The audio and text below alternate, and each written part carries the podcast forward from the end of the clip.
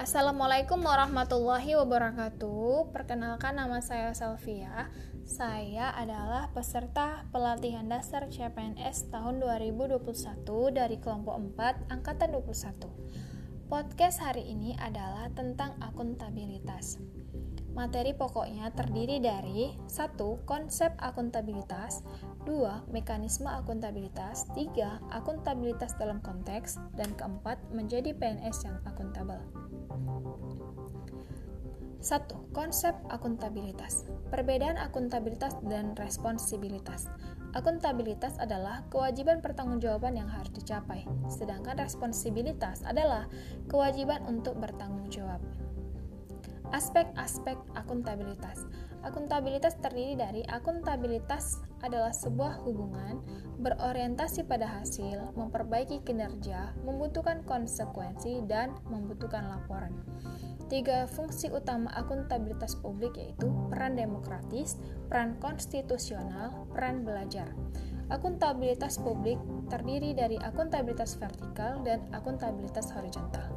Tingkatan akuntabilitas yaitu tingkatan personal, individu, kelompok, organisasi, dan stakeholder. Dua, mekanisme akuntabilitas. Dimensi akuntabilitas yaitu kejujuran dan hukum, proses, kebijakan, dan program. Mekanisme akuntabilitas birokrasi Indonesia terdiri dari perencanaan strategis, kontrak kinerja, dan laporan kinerja. Dalam menciptakan lingkungan kerja yang akuntabel, harus kepemimpinan, integritas, keadilan, transparansi, tanggung jawab, kepercayaan, keseimbangan, kejelasan, dan konsisten. Dalam lima langkah framework akuntabilitas yaitu tentukan tujuan dan tanggung jawab. Rencanakan apa yang akan dilakukan untuk mencapai tujuan, lakukan implementasi monitoring kemajuan, berikan laporan secara lengkap dan berikan evaluasi dan masukan perbaikan. 3. Akuntabilitas dalam konteks. Akuntabilitas dalam organisasi ada yang transparansi dan akses informasi, praktek kecurangan dan perilaku korup, penggunaan sumber daya milik negara, penyimpanan dan penggunaan data dan informasi pemerintah, serta konflik kepentingan. Prinsip keterbukaan informasi, maksimum access limited exemption, Permintaan tidak perlu disertai alasan, mekanisme yang sederhana, murah, dan cepat, informasi harus utuh dan benar, informasi proaktif, dan perlindungan pejabat yang beriktikat baik.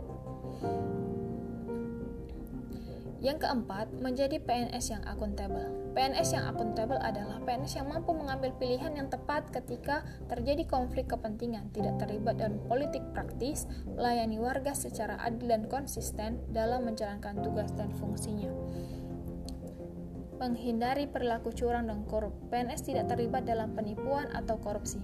PNS dilarang berbuat curang dalam menggunakan posisi dan kewenangan mereka untuk keuntungan pribadinya.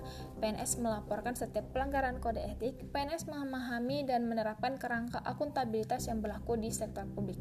PNS melaporkan setiap perilaku curang atau korup. PNS dilarang untuk melakukan penipuan yang menyebabkan kerugian keuangan aktual atau potensial untuk setiap orang atau institusinya.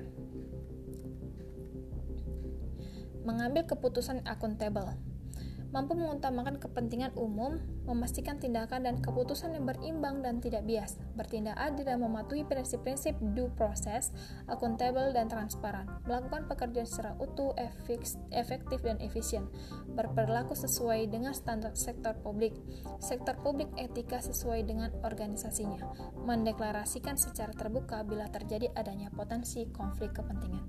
Demikianlah isi dari agenda 2 akuntabilitas bersama saya Selvia dan Selamat sore. Assalamualaikum warahmatullahi wabarakatuh.